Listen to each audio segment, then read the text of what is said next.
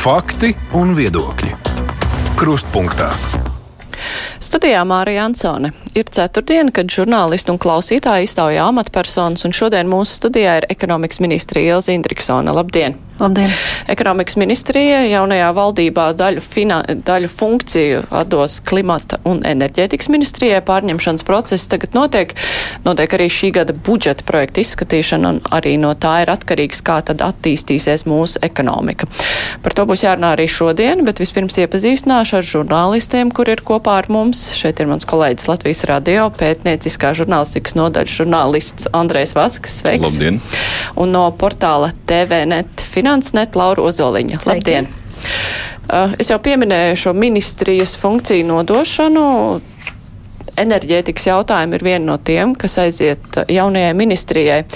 Bet uh, kurš šobrīd īsti atbild par to, kas tagad ārkārtīgi daudz interesē augstsprieguma tīkla un sadals tīkla tarifu jautājums? Jūs uzdevāt ekonomikas ministrijas valsts sekretāram, kā Latvijas energo kapitāla daļu turētājam, lai viņš noskaidro kā īsti notika tā tarifa pieņemšana, kāds tas process bija. Bet uh, kura ministrija tagad īsti atbild par to, kādi būs tie tarifi, kā tas tālāk notiks? Tur mēs ciešā sadarbībā turpinam darbu trīspusēji, trīs ministriju iesaistē. Uh, protams, mēs arī, kā ekonomikas ministrija, gan varbūt uh, turpinot darbu, ko mēs iesākām šī samazināšanas pasākumu vērtēšanas iespējās un arī gatavojam ziņojumu ministru kabinetam, eh, tad arī finanšu ministrija, kā iesaistītā, protams, arī eh, augstsprieguma tīklu pārvaldībā, gan arī, protams, finanšu ministrija kā finanšu risinājumu meklētāja un eh, pēc tam arī droši vien īstenotāja, ja tas būs nepieciešams arī valsts puses iesaistē. Un, protams, arī jaunā klimata un enerģētikas ministrija. Tā kā mēs trīs ministrijas vēl esam tikušies gan darbinieku līmenī, gan arī politiskajā līmenī. Un, tiek gatavots nākamais ziņojuma posms ar jau konkrētiem nepieciešamiem normatīviem regulējumiem. Bet kurš tur ir tas galvenais ziņotājs? Tas, kas nesīs, protams, klimata un enerģētikas ministrs šobrīd. Kolēģi? Tieši par šo uzdevumu vērtēt izstrādes procesu. Kāpēc vispār šāds lēmums tika pieņemts? Ir kaut kāds aizdomas par kaut ko, ka kaut kas uh, nē, par tieši par pašu piedāvāto tarifu projektu nav nekādu bažu un aizdomu. Viss ir izdarīts eh, atbilstoši tai situācijai, pieņemot tās prognozes, kādas tajā brīdī arī bija gan eh, elektroenerģijas cenās, gan visur. Eh, tādā ziņā par pašu tarifu projektu viss ir skaidrs. Mums vairāk interesē izvērtēt procesu, kurš kurā brīdī kādas lēmumus pieņēma, kāpēc tika steidzīgi publicēti šie tarifu projekti, nevis pārunāti un meklēti risinājumi jau, jau iepriekš, redzot, ka viņi būs nepaceļami augsti un varētu teikt, tas kāpiens būs pārāk liels gan tautas tautsēmniecībai, gan maisaimniecībām. Un faktiski vērtēt arī katras iesaistītās puses komunikāciju, savstarpējo sadarbību, un vai tiešām nebija kaut kādas, kā saka, procesa pilnveids nepieciešams arī skatoties nākotnē, jo mēs noteikti negribētu nonākt tādā pat situācijā pēc eh, pusgada, gatavojoties 24. gadam. Jūs iepriekš eh, minējāt eh, tā ļoti pārliecinoši, ka patērētājiem nav jābažīs, ka šāds tarifu kāpums būs, ka tas būs divreiz mazāks. Pieaugums būs, Pieaugums būs divreiz. Mhm. Bet, eh, Kā jūs to zinat? Nu, tas lēmums taču vēl nav pieņemts. Nē, nu, šobrīd ir uh, vienošanās par to, kādi mehānismi ir uh, jāizmanto un kā jāpārveido tarifa projekts, faktiski kādas korekcijas jāveic. Tur arī mainot šo tarifa periodu var veikt izmaiņas. Tad ir šī zaudējuma aprēķina metodika, kā, kā, kā tos zaudējumus iekļauj. Nu, tos negūtos ienākumus un e, iepriekš uzkrātos zaudējumus. Vienkārši izsoties, ja viņi strādājuši šobrīd ar zaudējumiem, jo tie zudumi elektroenerģijas ir daudz dārgāk nekā bija tarifā paredzēts, to mēs visi zinām, ka elektrība ir dārgāka. Tad arī tas ir jautājums, kur var e, šos te, varētu teikt, no apjoma kritumu negūtos ienākumus var neatgūt. Var e, ministru kabinets tādu lēmumu arī pieņemt, ko var jau ierēķināt un saprast, cik tas varētu ietaupīt no tarifu kopējā pieauguma. Un tad, protams, šis arī nosacīta karstais kartupelis elektroenerģijas cenas prognoze, jo tad, kad augstsprieguma tīkls iesniedz savu tarifu, tad tie bija 400 eiro. Eh, sadals tīkls bija 300, un šobrīd mēs redzam, ka arī ne tikai īstermiņā cenas ir samazinājušās, bet arī prognozes uz 23. gada otro pusgadu, kad varētu šis tarifs stāties spēkā, arī jau ir zemāks, un šobrīd varētu būt ap 200 eiro par megawattstundu. Bet tad kurā brīdī būs skaidrība, jo tas eh, ļoti Nākamās nedēļas ministra kabineta sēdē ir plānots skatīt, eh, ja viss būs sagatavots, saskaņots, tad es pieņem, ka arī nākamā nedēļa ministru kabinetā tiks skatīts šis piedāvājums. Arī slēgtajā sēdē. Un kāpēc vispār slēgtajās sēdēs? Es domāju, ka noteikti tā, tā visa, varētu teikt, pasākuma daļa, nu, visi tie priekšlikumi, kas tiks kā risinājumi eh, virzīti, noteikti, tiks eh, publi publiskot, jo citādāk jau to nevar izdarīt. Bet slēgtajā daļā es domāju, ka tas lielā mērā ir saistīts ar kapitāla sabiedrību darbu, un tur ir ļoti daudz, eh, nu, varētu teikt, informācijas, kas, kuru, kuru nav vēlams un ir pat ko nedrīkst publiskot. Tā kā dažādu saka, risku izvērtējumus, ko var kāds nelabvēls izmantot ne tai labākajā veidā. Es par to dalīšanos gribēju uzjautāt. Eh, Latvijas energo un sadalījuma tīkls šobrīd ir ekonomikas ministrijas pārvaldībā, ja tā var teikt, vai nu, pāraudzībā. Tā daļa turētāja pārstāvs, jā, ir valsts sekretārs. Jā, un tagad tas, tās jaunās ministrijas izveidošana, tas šie uzņēmumi pāries uz jauno ministriju, jeb eh, paliks ekonomikas ministrija? Eh, šobrīd paliek ekonomikas ministrijā. Latvijas energo un Latvijas sadalījuma tīkla ir kā kā saka, iekšā Latvijas energo kā meitas sabiedrība. Kāpēc? Vai tas ir liederīgi, ja visi enerģētikas un infrastruktūras jautājumi iet pie jaunās ministrijas? Kāpēc ekonomikas ministrijai paliek eh, viens objekts? Uh, šobrīd uh, arī jaunais enerģētikas ministrs ir izteicis ar mani sarunā šo priekšlikumu, un tas arī bija iepriekš izskanējis, ka finanšu ministrijas pārziņā ir gāzes pārvades operators Konexus un augstsprieguma tīkls. Un to noteikti būtu saprātīgi pārlikt uz jauno enerģētikas ministriju, bet ir tāda nianse, ka nu, nevar būt viens uh, akcionārs, kas pārvalda, no akcionāra pārstāvs, kas pārvalda, ir augstsprieguma tīklam jābūt atsevišķi un uh, Latvijas energo atsevišķi. Un tāpēc es domāju, ka labākais veids ir, ka Latvijas energo paliek ekonomikas ministrijas pārvaldībā un augstsprieguma tīkls un koneksus ir jaunās enerģētikas, klimata un enerģētikas. Tas ir tā tīri, tāpēc, lai viss nebūtu vienās politiskajās rokās. Ne vai? pat pa politiskām rokām, jā, tur es saprotu, ir tas stāsts, ka nedrīkst pārvade un, un uh, tirzniecība būt kopā. Mhm. Par šiem pašiem vēl to tarifu projektu pieminējāt Finanšu ministriju kā pusi un iespējamos risinājums no valsts puses, ja ir nepieciešama iesaist kaut kādu, par ko ir tieši nu, runa. tas, tas ir tas būtiskais jautājums, vai ir jāatgūst visi negūti ienākumi, kas nu, krītoties elektroenerģijas patēriņam, kad viss sāk taupīt, tad tarifā bija ieplānots, ka vairāk enerģijas pārvadīs pa tiem vadiem un ir mazāk. Un tad uh, to var iekļaut, likums ļauj to iekļaut izdevumos nākamā perioda tarifā un arī negūtos zaudējumus atgūt. Uh, nu, negūtos ienākumus atgūt un ierēķināt. Un arī, protams, uh, šis risinājums ar šo dārgo elektrības cenu noteikti varētu būt kā risinājums, kur valsts uh, palīdzēs šo straujo kāpumu mazināt. Protams, tas mums dod cerību, ka mēs 23. gada otrajā pusgadā to lēcienu neizjutīsim, bet mēs arī plānojam vēl pie detaļām noteikti diskutēsim, dot uzdevumu gan augstsprieguma tīklam, gan sadals tīklam iegādāties elektroenerģiju šai elektrības zudumu sekšanai visstabilākajā un saimnieciski izdevīgākā veidā, kas nenozīmē tikai biržu.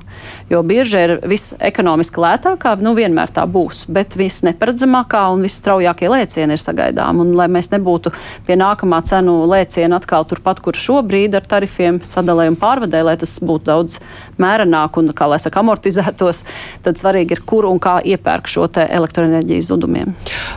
Runājot arī par izdevīgajām cenām, šobrīd ir tā, ka gāzes cena ir zemāka, ir kritusies, nu jau tā kā bija pirms gada, pirms kara sākuma, lai gan arī tas jau bija tāds augsts brīdis, bet nesalīdzināms ar to cenu lēcienu, kas bija pēc tam. Nu, šobrīd ir nu, tā, ka tie, kuri iepirks gāzi, viņi domā, nu, vajag vai nevajag. Tajā pašā laikā nu, ir viedoklis, ka neviens nav dziļi ieinteresēts iepirkt gāzi pa lētāko cenu, tāpēc, ka valsts tāpat kompensēs arī nākamajā apkurses sezonā, ja nu būs ļoti dārgi iepirkts un ārkārtīgi augsti tarifi. Vai kaut kā var sekot tam vai domāt par eh, citu atbalsta veidu, ņemot vērā šos aspektus, nu, lai patiešām gāze tiktu iepirkta visizdevīgākajā brīdī, nevis, nu, Kā sanāk? Nē, nu, šobrīd uh, visizdevīgākais brīdis katram ir iznācis savs. Uh, šobrīd ir tā, ka tie, kas vislielāko trauksmi cēla tajā brīdī, kad uh, gāzi nepiedāvā iegādāties ilgtermiņā. Nu, bija siltumgādes uzņēmumi, kas mums rudenī ziņoja, ka viņi nevar nopirkt visai sezonai gāzi. Un mēs teicām, pēciet, cik varat un kā varat. Un, viņi bija ļoti nu, satraukti. Tā bija, protams, arī krīzes situācija, ka viņam līgums ir uz vienu mēnesi tikai gāzes piegādājai. Tad šobrīd iznāk tā, ka tie, kam izdevās noslēgt ilgtermiņa līgumus ar tā brīža cenu, un iegūt stabilitāti, tie, protams, šobrīd ir tie, kur arī tarifā Mēs uh, redzam, ka gāzes cena krīt, bet tarifs jau ir izmantots, uh, sastādīts, izmantojot to gāzi un to piedāvājumu, kā ir nopirkt gāzi. Tiem, kam bija īstermiņa līguma, tie šobrīd mums arī ir vairākas, uh, vairākas pašvaldības, vairākas siltumogādes uzņēmumi, kas šobrid ir iesnieguši precizētus tarifus. Sugrūta tarifa arī samazināsies, jo šobrīd tiem, kam bija uz mēnesi tā gāze, tie šobrīd var nopirkt lētāk. Tā kā vienā brīdī ir tāds, kā saka, zaudējums, citādi, ka liegums. Nu, tāda mums ir šī nestabilā situācija. Bet eh, nu, to jau arī var regulēt ar eh, līgumu garumu, uz nākotni skatoties. Jā, jā protams, nu, šobrīd uh, mēģināt tiem, kam nav šī ilgtermiņa līguma, šobrīd izmantojot iespēju, ar zemākas cenas, protams, ir izdevīgi atkal šo zemo cenu nostiprināt ilgtermiņa līgumos, ja vien izdodas ar tirgotāju par to vienoties, jo nestabilā šī situācija arī tirgotāji, nu, nezin, vai viņi varēs pēc pusgada par tādu pašu labu cenu dabūt to gāzi. Tā kā, nu, tur vienmēr ir Nu, tas ir tas brīvais tirgus, un atbalsta mehānismi ir pielāgoti. Tur mums ir tā divpakāpju sistēma, ir tā, tas mazākais atbalsts sākumā, un tad tiem ļoti dramatiski lielajiem tarifiem ir 90% atbalsts no tā sadārdzinājuma. Līdz ar to arī šīs tarifa samazinājums nelielais, ko dos varbūt gāzes cenas kritums, iedzīvotājiem būtisks izmaiņas neradīs, bet samazinās to daļu, kas būtu valstī jākompensē siltumogādes uzņēmiem. Tātad resursi atkal paliks, kā saka, citām vajadzībām, citiem atbalstiem. Kāda vispār šobrīd situācija ar to līgumu slēgšanu, vai vispār piedāvā ilgtermiņa līgumus, vai ir tāpat kā iepriekš uz mēnesi un nezinu? Šobrīd droši vien aktuālo situāciju jums būtu jājautā jau klimata un enerģētikas ministram. Mēs tik aktīvi vairs katru nedēļu nesakojam līdzi, bet mums nu, vismaz no uzņēmēja puses, no ražotāja puses, kas arī gāzi iepirka, nav nekādu indikāciju, ka šobrīd būtu problēmas ar līgumu slēgšanu un ka es saprotu, katrs ir atradis veidu, kā iegādāties īsākos vai garākos termiņos. Runājot par gāzi, par skultas terminālu, droši vien, nevaram apiet. Tad mums viņu vajag, nevajag, un ir, kāda ir tā pozīcija, un vai tas skultas termināls tagad ir eh, tās jaunās ministrijas uh, sāpe? Eh, jā, jūs pareizi sakat, ka skultas termināls, kas ir tieši saistīts tieši ar enerģētikas politiku un arī rīcībām, ir jaunās ministrijas pārziņā. Mēs arī pārunājām īsi ar ministru, un es viņu aicināju vērsties pie attīstītāja, lai uzzinātu aktuālo situāciju. Es ceru, ka viņš to arī ir izdarījis. Un, eh, nu, vienīgās manas pārdomas ir par to, ka uh, valsts no savas puses ļoti varbūt uh, plānveidīgi vērtējot situāciju, pieņēma šos nepieciešamos likumdošanas normatīvos regulējumus. Ir mums atsevišķi likums un Nacionāla interešu objekta status skūts terminālam. Tāpat laikā šīs ietekmes vidas novērtējuma process, kas ir uzsākts jau 2016. gadā, un ir šis darba uzdevums saņemts attīstītāju pusē, un viņi ir procesu sākuši. Mēs regulāri, kamēr vēl mums bija enerģētikas eh, funkcija, arī regulāri uh, centāmies noskaidrot, kā veicas ar šo no, novērtējumu. Tad, Diemžēl jāsacina, ka no 2022. gada sākuma, kad visi runāja, ka mums noteikti vajag savu terminālu, man nav nevienas ziņas, labas ziņas, ka šis uh, IVN process būtu pavirzījies kaut mazliet uz priekšu. Tā kā attīstītājs šobrīd kaut ko gaida, nezinu ko, un tas būs droši vien lielākais ministru kabineta nākamā lēmuma izaicinājums, jo mums ir nolikts termiņš 27. gada 15. septembris, ka terminālam jābūt gatavam. Nu, ja attīstītājs eh, neko nedara, neturpina projektu īstenot, kaut viņi mums bija iesnieguši savu plānoto īstenošanas grafiku, nu, tad droši vien jāpārvērtē ir eh, lēmums, process un eh, jāizlemj, ko darīt tālāk. Bet ko attīstītājs gaida, jūsuprāt? Nu, man tieši man nav neviens pateicis, ko viņi gaida. Es domāju, ka šobrīd viņu lielākais jautājums bija tiešām īvēna procedūras pabeigšana, lai var sākt reāli projektēt un būvēt. Tad tajā publikācija līmenī, vai kā jūs sakat, publiskajā telpā, kas ir izskanējis ir vienu laiku jau atpakaļ, kad bija vēl valdības veidošanas process, viņi gaida uz kaut kādu īpašu valsts piedāvājumu, bet uh, mēs esam, varētu teikt, no savas puses visus ceļus atvēruši, visas zaļās gaismas ir jau iedots. Patiesībā viņiem nekad nekas nav bremzēts jau no 2016. gada. Arī mūsu pārvades operators ir apliecinājis tehniski, ka tas viss ir iespējams, to var īstenot, plūsmas var regulēt tā, lai būtu iespējams skuldas terminālu efektīvi izmantot produktīvi. Eksperts Slēdiens teica, ka tas ir ekonomiski pamatots un konkurētspējīgs projekts.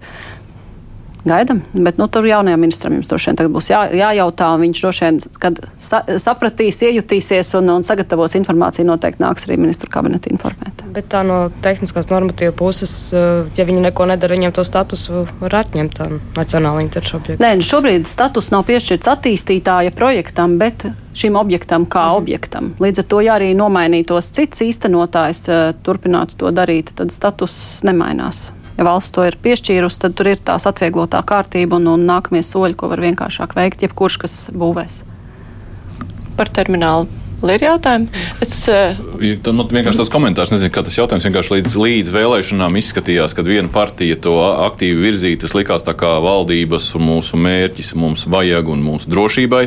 Un tad nomainās valdība, tas politiskais spēks neiekļūst nākamajā saimā. Tagad izstāsta, ka nu, ai, nu, tik ļoti vajadzīgs, ja viņš mums nemaz nav nu, tā, tas no malas tā, tādā publiskā telpā izstāstīt. Ne, nevar pateikt, kurš par to ir atbildīgs, bet nu, tāds, tas, tas signāls ir tāds ne, nepatīkams. Nu, es domāju, valdības deklarācijas veidošanas procesā bija atkal atkārtot diskusija par šo tieši politiskajā līmenī, un deklarācijā ir skaidri ierakstīts, ka tas mums ir svarīgi. Mums, tas mēs arī šobrīd uh, sakam, ka uh, tā cena, par kuru mēs varētu iegūt dabasgāzi, ja mums būtu šis savs termināls, noteikti būtu labāka un konkurētspējīga, un savs ir savs drošības nolūkā arī, ka mēs vienmēr pie viņa varam piekļūt, ne, ne, neejot kaut kādās, kā saka, citās uh, valstu sadarbībās. Uh, un tāpat laikā mēs arī ielikām atrunu deklarācijā, ka tas nekādā veidā nedrīkst apgrūtināt mūsu patērētāju, mūsu gāzes lietotāju ar papildus izmaksām, ka mēs nepieļausim, ka izveidojas nākamais obligātā iepirkuma kaut kāds stāsts. Tā kā, nu, es domāju, ka tas varbūt arī ir kaut kāds signāls abām pusēm pārdomāt, kā tālāk virzīties. Katram ir bijušas droši vien savas gaidas, savas cerības un savs, savs īstenošanas veids, kā varbūt bija gatavi īstenot šo projektu. Jo runājot par enerģētisko drošību, nu, Lietuviešiem ir gan termināls, viņiem ir uh, kabelis uz Zviedriju. Mums nav ne termināla, ne kabeļa, un uh, mēs visu laiku pažīmies, ka mēs neesam droši. Nē, nu, mēs esam neko, ļoti neko, droši salīdzinoši ar citiem, jo mums ir Inču kalns, un uh, te jāsaka paldies jau iepriekšējām valdībām, ka no 2017. gada tur arī, kā saka, viss ir sakārtots ar īpašumtiesībām, un Inču kalns ir tā mūsu rezerve. Un, kā es vienmēr saku, ja ar kabeļiem vai vadiem vai cauruļvadiem var viss kas atgadīties, un termināla darbība arī ir tehniski, nu, kā saka, ir neparedzama un apstākļi un vēl kuģi un viss, tad tas, kas ir Inču kalnā, tas ir visdrošākais. Tā kā no reģiona viedokļa mēs esam tas drošuma centrs. Tāpēc labā sadarbībā ar kaimiņu valstīm eh, plānojot terminālu jaudas, es domāju, arī drošība šobrīd ir, bet, protams, eh, ja būtu savs termināls un tiešā sasaistē ar Inču kalnu, tā būtu jau priekšrocība. Es sākumā nepieminēju, bet klausītāji arī mums var sūtīt vēstules, rakstot eh, vai nu ziņu no mūsu mājaslapas, vai arī uz adresi kruspunktā Latvijas radio.lv, bet, lai gan es nepateicu, klausītāji tāpat raksta jau, jo zina. Te ir tāds jautājums, eh, vai valsts val valdībai ir kaut jau kāds jēdzīgs plāns, kā attīstīt Latvijā ražošanu. Līdz šim vērojam tikai krīžu risināšanu, putru izstrēpšanu un tam līdzīgi. Uh, es pievienošu arī savu jautājumu saistībā ar nākamā gada budžetu. Nu, kā tur atspoguļojas tā ekonomikas transformācija un transformācija uz ko? Vai tā ir transformācija uz vairāk ražošanu vai citādāka uh, ekonomika, nu, kā to saprast, jo cilvēkiem tomēr lielā mērā tas nu, ir tāda skaņa tikai ekonomikas transformācija, kamēr tam apakšā nav ļoti konkrēti pasākumi. Uh, nu, ekonomikas transformācija kā jēdziens droši vien ļoti plaši arī inter interpretējam un vērtējam, un budžets nav vienīgais veids, kas, kurā, vai dokuments, kurā var atspoguļot šo procesu, jo nu, transformācija nenozīmē tikai papildus naudu kaut kam. Uh, Eh, bet eh, skatoties tieši arī uz ekonomikas ministrijas prioritātēm, tad mēs esam arī gandarīti par to, ka ir atbalstīts turpināt eh, lielo investīciju fondu, kā mēs tā vienkāršot viņu saucam, kas ir finanšu instruments tieši lielu ražojošu, eksportējošu uzņēmumu attīstībai ar augstāku pievienoto vērtību, ar zinātņu ietilpīgām precēm un pakalpojumiem, kur arī ir paredzēta obligāta un līdzdarbība arī pētniecībā šiem te uzņēmumiem, kas to attīst. Eh, ir inovācija fonda turpinājumam papildus finansējums, kas ir zinātnes komercializācija, jo ekonomikas transformācija ir, varētu teikt, procesu uh, Eh, sakārtošana atbilst, atbilstoši mūsdienas eh, dinamiskai tautsaimniecības attīstībai. Tā ir gan digitalizācija, gan zinātnes, tehnoloģija ietilpība. Nu, faktiski ir tā, ka no eh, zemes pievienotās vērtības, tā kā mēs tā parasti vienkāršot sakam, kad kokus nozāģē mežā, nomizo un tad ieliek kuģī un aizved, līdz tam, ka mēs no koksnes katras daļas varam izveidot produktu, kas ir visvērtīgākais iespējamais no tā, ko var iegūt. Kā saka, gan no, gan no pašas koksnes, gan no atlikumiem, gan varbūt vēl no jau dažādiem biotehnoloģiskiem procesiem un koksnes ķīmijas materiāliem. Tā, kā, nu, tā ideja ir jāmainās ir kopumā sistēmai, un otrs ir, es domāju, lai transformētos ļoti nozīmīgs ir arī šis cilvēku kapitāla attīstības jautājums, kas arī tagad ir nonācis mums tādā ciešā sadarbībā, kas, eh, es domāju, izšķirošā ir tieši koordinēta sadarbība, lēmumu pieņemšana, un eh, lai visi tie lēmumi būtu kopīgi pieņemti un nu, vienveidīgi pieņemti par cilvēku kapitāla attīstību, eh, domājot par mūsu darba spēku. Un ne tikai šaurāk no tiem, kas jau ir beiguši skolas, bet faktiski no pirmsskolas līdz pat pensionēšanās brīdim. Tātad visos posmos, visās vietās. Un tam arī ir uh, piešķirts budžetā mm, finansējums papildus uh, šai te cilvēka kapitāla attīstības modeļu, kā saka, pilnveidai, uzlabošanai un attīstībai. Bet nu, par kāda, kāda lieluma investīcijām tad mēs varam runāt? Nu, cik liels ir tās, tiksim, salīdzinošos skaitļos, lai, nu, patiešām var no, nojaust, ka tagad tam ir pievērsta ļoti liela uzmanība? Eh, es domāju, ka eh, tās investīcijas, ko es pieminēju, tur eh, saucamais lielo investīciju fonds, kas šobrīd ir uzsācis jau darbu, jau bija piešķirts trīs gadu Uh, budžetā pirmajam gadam bija 22. gadam finansējums, pēc tam piešķīra vēl papildus 152 miljonus, bet tas nenozīmē, ka tā ir tikai tā daļa. Tā ir tā valsts uh, atbalsta instrumenta daļa, bet lielākā daļa šie projekti tiek finansēti papildus no privātā kapitāla puses, no banku, nu, faktiski uh, līdzfinansējumiem, un līdz ar to tas reizinās, tagad trīs gadu budžetam papildus ir vēl 70 miljoni tieši lielo investīciju fondam, un inovāciju fondam bija iepriekš piešķirti daudz gadu budžetā katru gadu 4 miljoni, tagad ir vēl Eh, šogad eh, divi un vēl nākamajiem eh, diviem gadiem katrā vēl četri, tā kā kopā vēl desmit papildus tiks Bet tad ieguldīt. mēs varam domāt, ka tur ir kaut kāds uzrāviens tāds nopietns, vai vienkārši turpinās lēnā garā tas, kas ir aizsākts jau Nē, ir uzrāviens, periodā. un es domāju, ka tas valsts atbalsts ir vajadzīgs tais lietās, kur nav mums Eiropas finansējums. Lielā uzrāviena īstenošanai vislielākais spēks un ietekme būs noteikti atjaunošanās noturības mehānismu projektiem un daudzgadu Eiropas struktūra fondu finansējumam, kur arī ekonomikas ministrijas sadaļā, protams, ir energoefektivitāte, kas arī ir palikusi mūsu rūpa un atbildība, bet ir eh, digitālajai transformācijai 183,5 miljoni, produktivitātei eh, pusmiljards, un eh, tur arī ir nevienlīdzības mazināšanas sadaļā, kas arī ir nozīmīga daļa tieši mājokļu politikai un vidas pieejamībai un arī industriālo parku attīstībai arī ir vēl 200 miljonu eiro. Tā kā tas ir tas otrā daļa, kas ir vēl būtiskāka daļa nekā budžeta finansējums tieši. Tieši par cilvēku kapitāla attīstību runājot, ekonomikas ministrija prognozēs, ka jau 2030. gadā Latvijā būs par trešdaļu mazāks arotprofesiju speciālistu skaits nekā būtu nepieciešams ekonomikas vajadzībām. Kā to ir paredzēts risināt vai vispār? Uh, šobrīd mums ir, uh, mēs analizējam esošo, varētu teikt, situāciju, un, protams, mums ir svarīgi saprast, kur mēs atrodamies un kur, kurā mm, pozīcijā var veikt ātras darbības un ātrāku efektu, un kas ir ilgtermiņa risinājumi. Un šobrīd ir tieši šim jautājumam, es domāju, tur ir divas daļas. Viena daļa ir panākt to, lai cilvēki pēc iespējas veiksmīgāk spēj uh, mainīt savu profesiju un faktiski savu nodarbošanos, jo mums ir ļoti daudz, tur kaut kādi 11 tūkstoši cilvēku ar humanitārajām augstākajām izglītībām, kuriem darba tirgu īsti vairs tai savā tiešajā atbildībā un, un prasmēs nebūs vietas, tad uh, ir jādod iespēja viņiem pārkvalificēties. Kaut vai, varētu teikt, akadēmiski domājot, varbūt uz zemāku līmeni, bet uz tehniskākām un profesionāli tikpat izaicinošām lietām un, un nonākt darba tirgu tai sadaļā. Un otra daļa mums ir ļoti daudz jauniešu, kas šobrīd izkrīt no Eh, izglītības sistēmas pēc vispārējās izglītības iegūšanas un eh, arī aiziet prom jau no augstskolām pirmā kursa laikā.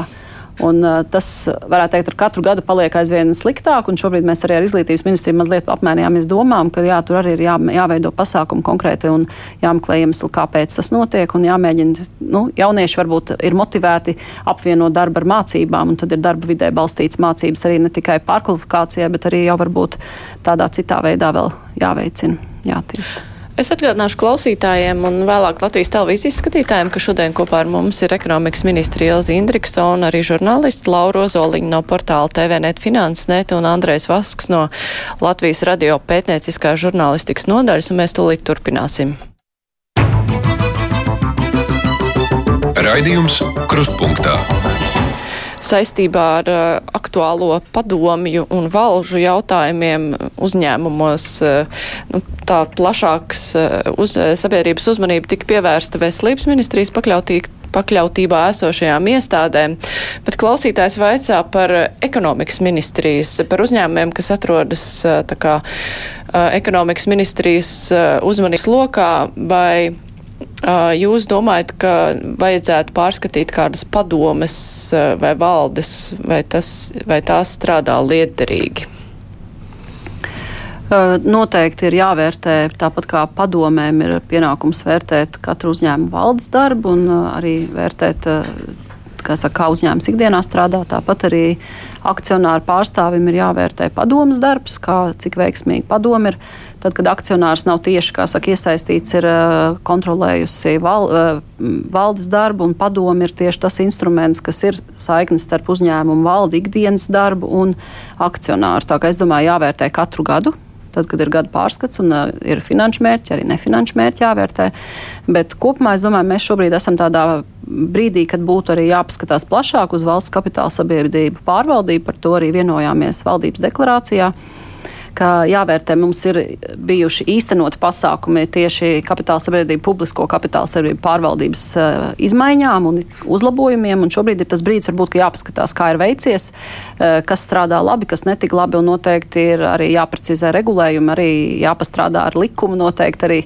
Bet jāuzlabo. jums ir kaut kādi nu, konkrēti ieteikumi, teiksim, nu, par ierobežojumiem, kurš vai cik, cik kapitāla sabiedrībās, piemēram, var darboties? Nu, vai arī, nu, ar ko, ko var vēl apvienot vai kādām kvalifikācijām jābūt? Nu, katrā ziņā šobrīd arī ir ļoti augstas kvalifikācijas prasības, ka tiek sludināti šie konkursi, kur var pieteikties. Eh, manuprāt, būtu ļoti svarīgi, lai nebūtu tik precīzi nodefinēta tā, varētu teikt, kvalifikācijas nepieciešamība, ka vien un tie paši cilvēki visu laiku tikai tajās padomēs spēj kandidēt, jo tikai viņiem ir pieredze līdzīgos amatos.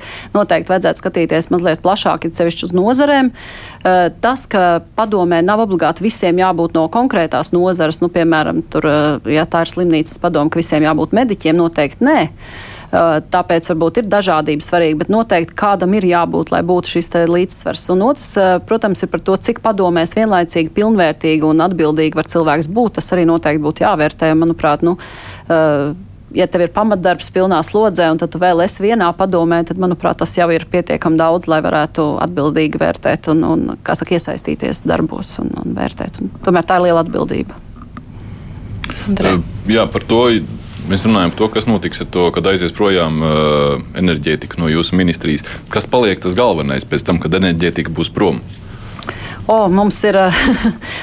Es domāju, ka ļoti liela daļa un uzmanības laika ir jāpievērš tieši uzņēmējdarbības vidas uzlabošanai, kas mums vienmēr ir bijusi paralēli enerģētika. Enerģētika nu, faktiski pēdējos divus gadus ir apēdus pārējās prioritātes diezgan lielā mērā, un Covid, protams, arī ievies savas korekcijas. Uh, un tā ir noteikti gan šī pati visu jau pieminētā nodokļu sistēmas pilnveide, kā uzlabot iespējas strādāt vienkārši, administratīvi nesarežģīti, ne valsts pusē, ne uzņēmē pusē.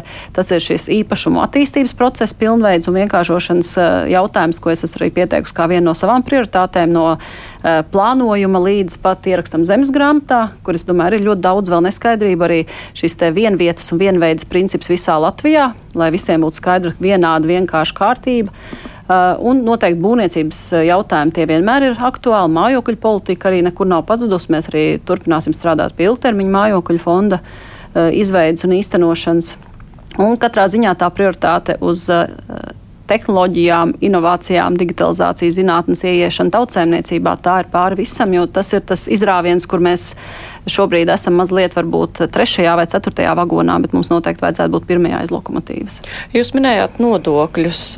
Valdība ir apņēmusies šogad spriest par nodokļu sistēmas pārskatīšanu. Kādas izmaiņas ir vajadzīgas? Vai jūs prāt ir vajadzīgas izmaiņas attiecībā uz darba spēka nodokļiem, jo tās veido lielu uz, izmaksu uzņēmē darbībā un varbūt ir kaut kādi konkrēti citi ierosinājumi vēl attiecībā uz nodokļiem? Mm, jā, par nodokļu sistēmu ir nu, viena ir darbspēka nodokļi, ko vienmēr uzņēmēji ir uzsveruši kā būtiskāko izmaksu daļu, ko viņi redz kā lielāku slogu nekā citās valstīs. Tur, protams, ir svarīgi vienoties par esošās situācijas tādu fotografiju, ko es saprotu arī tuvākajās dienās jaunais finanšu ministrs arī tiksies ar nozarēm. Jo uh, darbspēka nodokļos noteikti ir vajadzīgs salikt kopā visas izmaksas, kas ir obligātās izmaksas darba devējam, kas nav tikai nodokļi vai tikai sociālās iemaksas, uh, bet kas ir darba nespējas lapas, ir uh, dažādi citi, kā saka, atšķirīgi nosacījumi.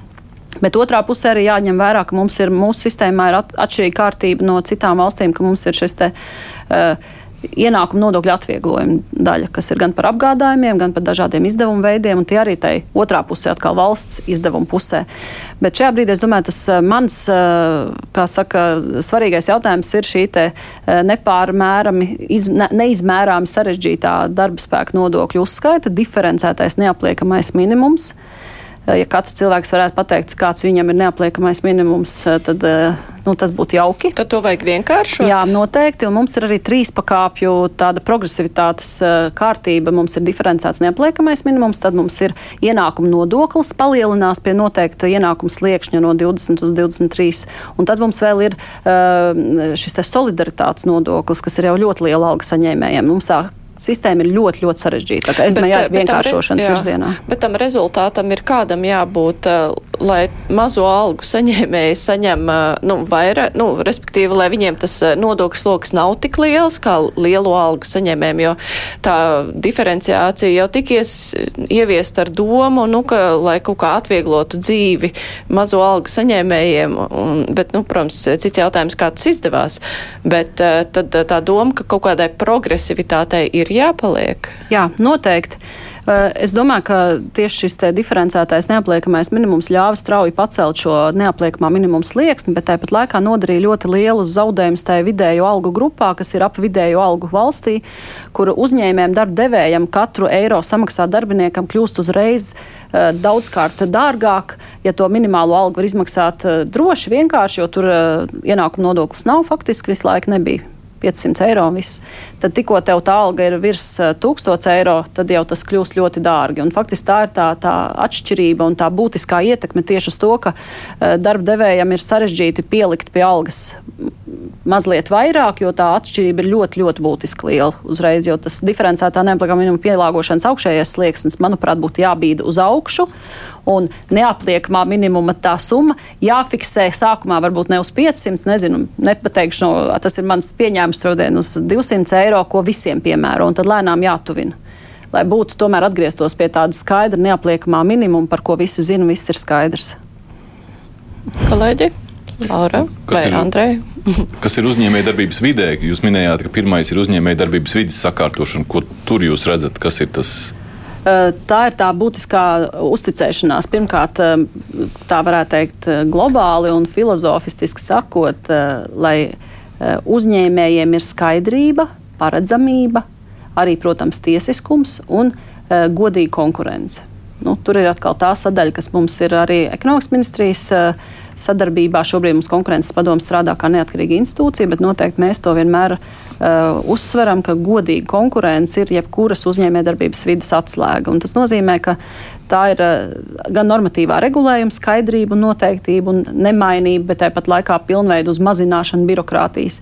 Gan, protams, arī šie paši nodokļi, gan ērtums, vienkāršums. Un es domāju, šobrīd ir jāmeklē tie atslēgas procesi, kuri ir jāsakārto, kas dod pēc iespējas lielāku efektu un tā īpašuma attīstības sakārtošana. Es domāju, vismaz uh, lielo pilsētu un Rīgas kontekstā tas ir ļoti daudz ietekmējošs faktors, kāpēc varbūt uzņēmēji neizvēlās ieguldīt, investēt, jo tas ir pārāk sarežģīti, pārāk dārgi, pārāk, eh, nu, varētu teikt, ilgtermiņā daudz garāk nekā citās lielajās pilsētās. Viens no rādītājiem, kas liecina par uzņēmēju darbības vidas kvalitāti, ir ārvalstu investīciju piesaiste. Šajā segmentā pagājušā gadā ir bijis kritums pret 2021. gadu 25%, ja nemaldos. Ko mēs darām sliktāk kā kaimiņu valsts? Es šobrīd teikšu, ka mēs nedaram sliktāk šobrīd.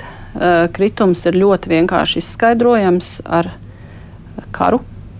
Jo mums arī bija bažas, ka tā tas arī varētu notikt, un, diemžēl, sliktās prognozes piepildījās, jo tikko karš sākās, tā mums visi arī uzsāktie investīcija ieguldījumi projekti lielie, kas bija liela daļa no viņiem vienkārši nevis tika atsaukti, bet tika apturēti, iesaldēti, nogaidoti, kad būs stabilitāte un saprotamība. Un, diemžēl tie, kas bija uzsākti, tie sāk nogaidīt, un tie, kas varbūt būtu atnākuši, tie viena daļa vienkārši neatnāca. Jo Eiropas un pasaules kontekstā uh, mēs esam karam tūs reģions, un tieši tāpēc, manuprāt, tieši šī te, uh, investīcija piesaiste ir uh, nu, kardināli svarīga ar dažādiem pasākumiem, tā skaitā ar to, ka visiem un ikvienam, kas dodas kaut kur ar kādu tikties, ir jāsaka, ka pie mums ir droši, jo tas arī uz turismu attiecās. Tā ir labākā reklāma. Ja kāds labs investors ir atnācis, tad par to ir eh, plaši jāstāsta. Mums ir arī veiksmes stāsti. Un es domāju, ka nākamais eh, periods būs tieši izaicinājums eh, ārvalstu investīcijām. Tāpēc mēs ļoti ceram uz arī vietēju uzņēmēju izlēmīgumu. Jo Eh, tieši investīciju jautājumā un ieguldījumos eh, tieši Lietuvas un Igaunijas kaimiņu valstu uzņēmēji vienmēr ir plānojuši ilgtermiņā vairāk un ieguldījuši tādos garākos, lielākos projektos. Un Latvijas uzņēmēji ir parasti divi, trīs gadi, nu maksimums pieci. Un, un, eh, tas arī mūs mazliet ir bremzējis ekonomikas tautsēmniecības izaugsmē. Un, Tas saistās tieši ar šo uzņēmējdarbības vides stabilitāti, noteiktību, paredzamību un sadarbību, es domāju, arī ar valsts pārvaldi. Lietuvā un Igaunijā arī ir kritums.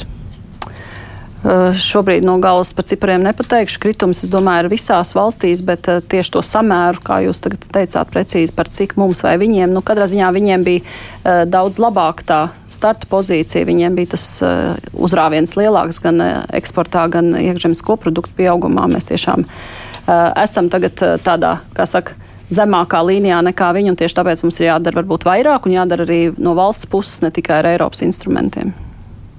Klausītājs vaicā, kā jūs varētu komentēt ievērojamo algu pielikumu valsts augstākajām amatpersonām, arī sev. Uh, kā ir ekonomikas ministrijā, kāds algu pieaugums ir parastajiem darbiniekiem? Uh, ekonomikas ministrijā uh, atalgojuma mm, palielināšana sākās jau pagājušā gada otrajā pusē tika pārskatīti visi šie te, nu, algu grupas un, un tie kodi un koeficienti. Diemžēl varu teikt, ka mums arī ir ļoti daudz labu speciālistu, kas aizplūst no valsts pārvaldes. Un, un nepavēlti mēs ik pa laikam dzirdam, ka vai nu kāds spēcīgs uzņēmums, it sevišķi būvniecība, enerģētika, arī datu apstrāde un analītika nopērk mūsu speciālistus, jo atalgojums tiešām tiek solīts būtiski daudzkārt lielāks. Un uh, valsts pārvaldē noteikti ir jāspēj konkurēt, ja mēs gribam uh, veidot efektīvu un, un gudru valsts pārvaldi un spēt pieņemt gan lēmumus, gan komunicēt atbilstoši ar uzņēmējiem. Bet viņiem ir gaidāms uh, šiem pieprasītiem darbiniekiem algas pie, pieaugums tagad pēc tam, kad ir nu, algas pielikums augstākajām amatpersonām. Jā, un kad pie, viņiem ir gaidāms?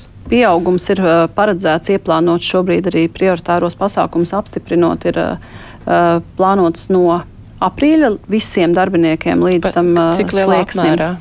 Eh, procents jums noteikti no nu, galvas tagad nepateikšu, jo ekonomikas ministrija iepriekš arī nebija no tām ministrijām, kur būtu ļoti, ļoti daudz darbinieku, kas nesasniegtu šo minimālo slieksni. Mēs jau pagājušā, es jau tāpēc teicu, pagājušā gadā jau tika pārskatīts.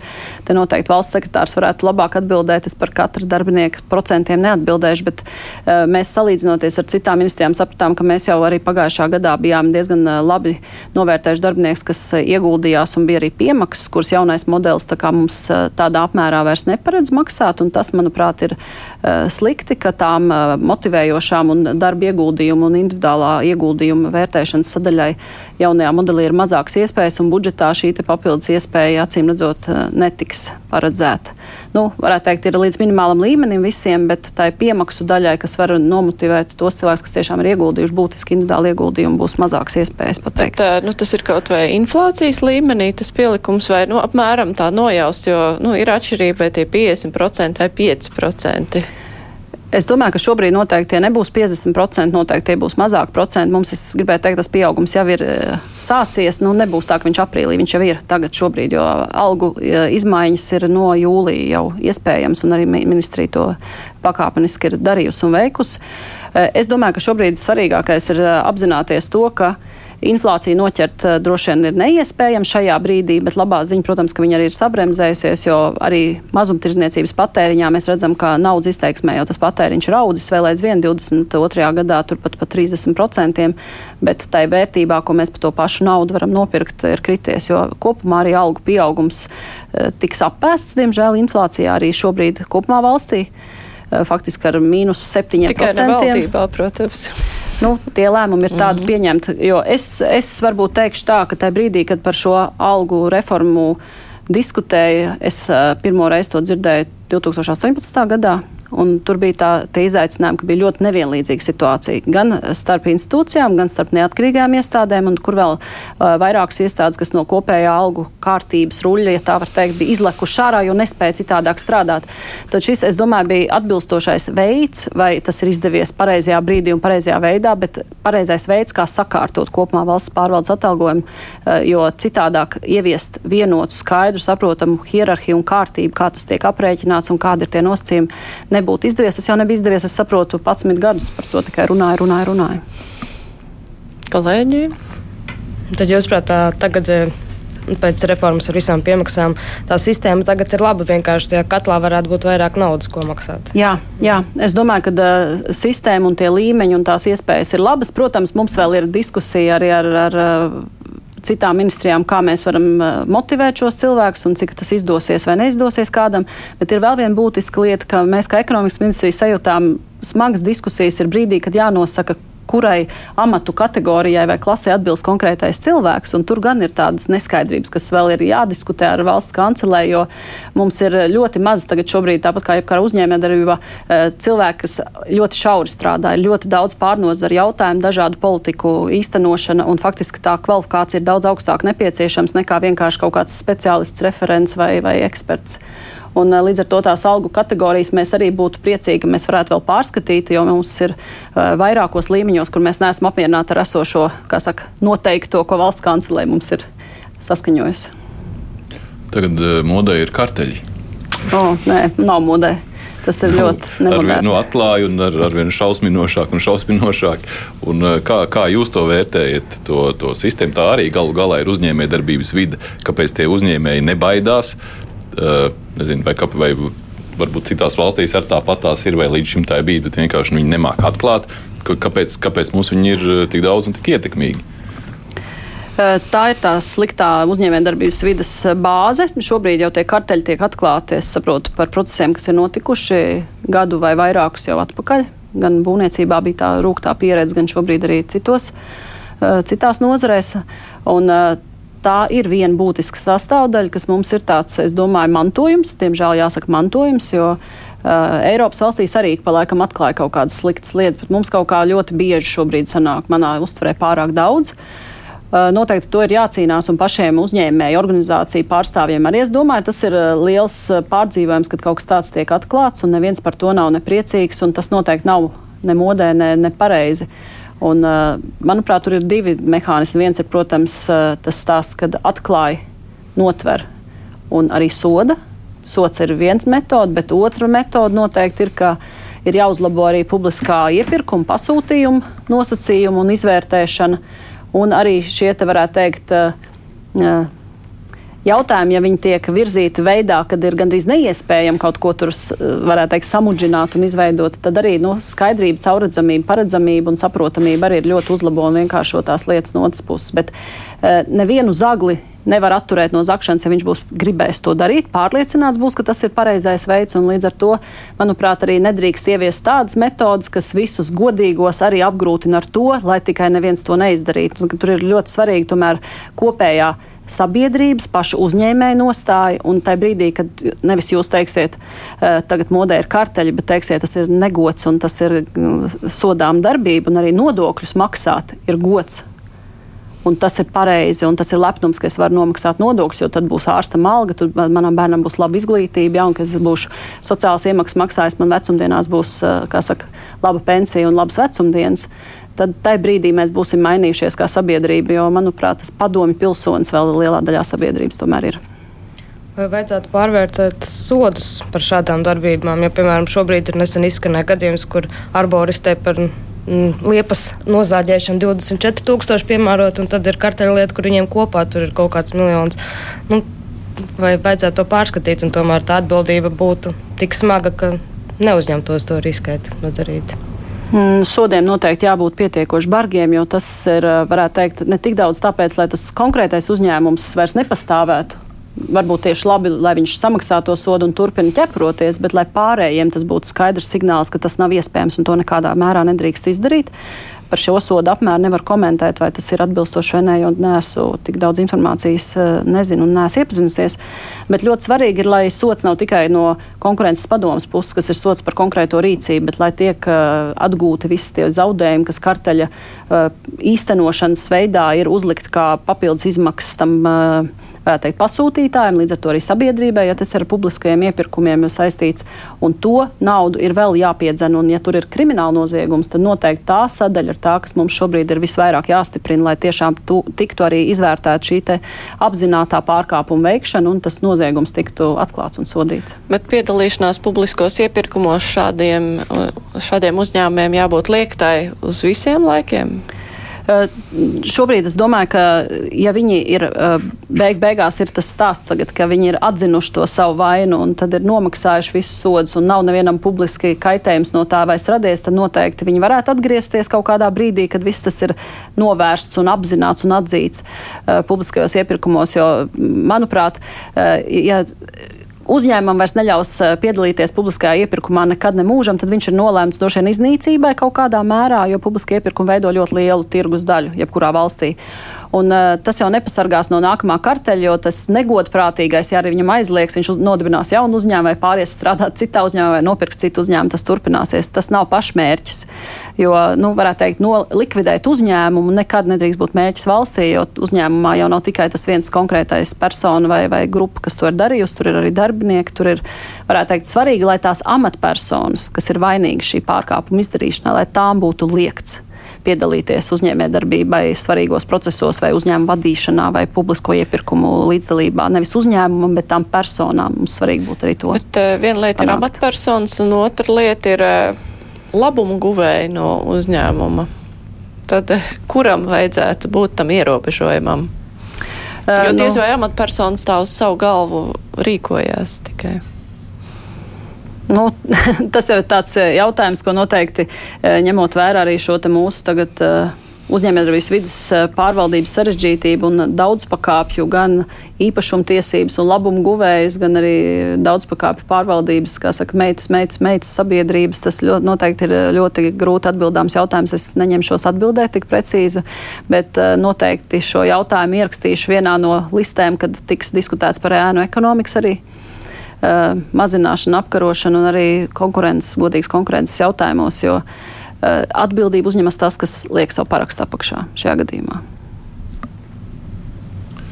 Ēnu ekonomikas apkarošana, jūs pieminējāt, ka bija Kučinskis valdība, tad ēnu ekonomikas, tur bija plāns, tur bija padome, tur bija, nu, tur varēja redzēt, ka prioritāte, nezinu, nu, rezultātu, man liekas, nu, nav, ne, nav tāds taustāms rezultāts. Bet tad pēc tam ir pazuda viss tā, tā ēnu ekonomikas apkarošana. Kāda šobrīd ir situācija? Šobrīd ēnu ekonomikas apkarošana vai mazināšana noteikti ir darba kārtībā. Katru gadu tiek vērtēti šie ēnu ekonomikas mazināšanas vai pareizi nepateikšu, varbūt apkarošanas plāni. Ir arī pasākumi, finanšu ministri ir vadošā.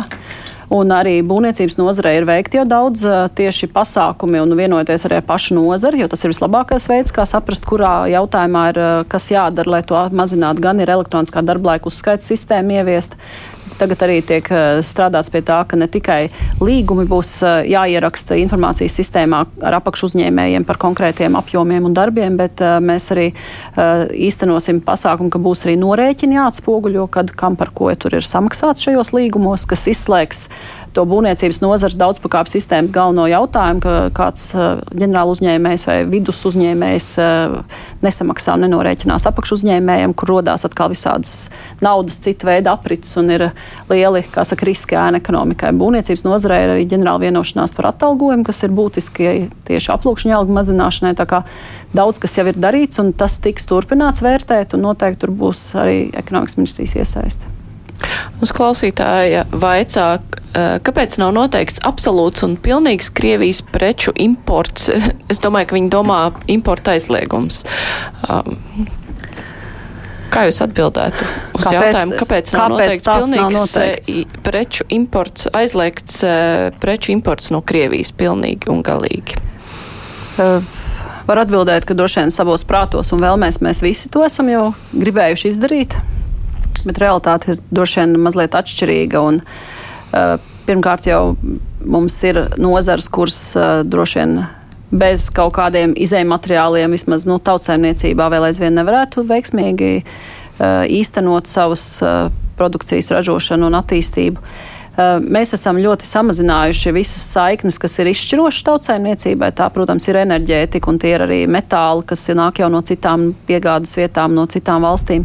Bet noteikti par eh, preču aizliegumu, eh, faktiski tas nozīmētu robežu aizvēršanu. Mēs esam diskutējuši un arī apsprieduši, vai tas būtu īstenojams. Šobrīd tādu instrumentu klāstā mēs neredzam, tāpēc ka mēs neesam vienīgi paši par sevi. Mēs neesam Latvija.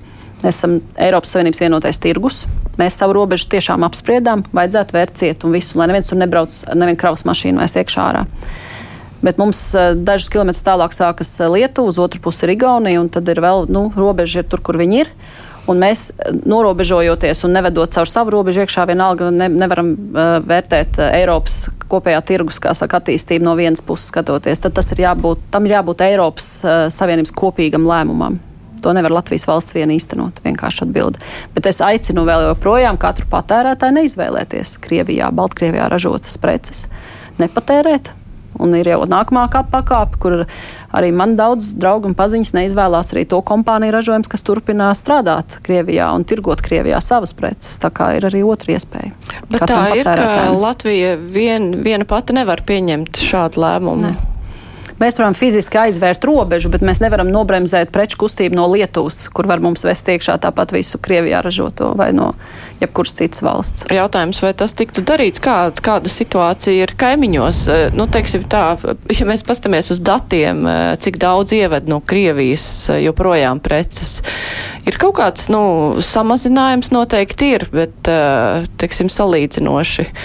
Cik, cik tālu tas ir no izsīkuma? Um, izsīkums uh, nav uh, tādā tuvā tālumā. Tā es varētu teikt, bija ļoti svārstīgs, bija uh, samazinājums, palielinājums, bet šobrīd mēs reiķinoties ar cenu pieaugumu ļoti lielo. Nu, tur tāpat dabasgāze, kas mums nāca vēl uh, ne vairumā, ne, ne mazumā, bet kaut kādā mērā iepriekšējā gadā arī no Krievijas. Un arī citi produkti, kas ir, kā saka, atļautie, ko, ko var piegādāt, kas nav sankcionēti. Tad faktiski šis te importa svārstības bija diezgan dinamiskas. Bija ļoti strauji kritums uh, pavasara otrajā pusē, nu, faktiski pāris mēnešus pēc Krievijas kara sākuma. Ukrainā, un pēc tam bija atkal atjaunošanās, un tad viņš tā ir nostabilizējies, bet tāda izsīkuma nav, jo nu, Eiropa nav, nav nu, es neesmu dzirdējis, ka Eiropa būtu jebkad arī apspriedusi vispārēju blokādi vai, kā saka, dzelzsienas uzmūrēšanu šobrīd. Jā, ar to arī teikšu paldies. Šodien kopā ar mums bija ekonomikas ministri Ilzi Indriksona, arī kolēģi Laura Ozoliņa no portāla TVNet Finansnet un Andrejs Vasks no Latvijas televīzijas eh, pētniecisko pētnieciskās žurnālistikas nodaļas. Rīt kruspunktā mēs apspriedīsim nedēļas notikumus, protams, runāsim par Jēkapili, bet arī, arī pieminēto karteli autobusu, bet, nu, tas jau ir rītdienas ziņā. Producente Vijunām studijā Mārija Ansone.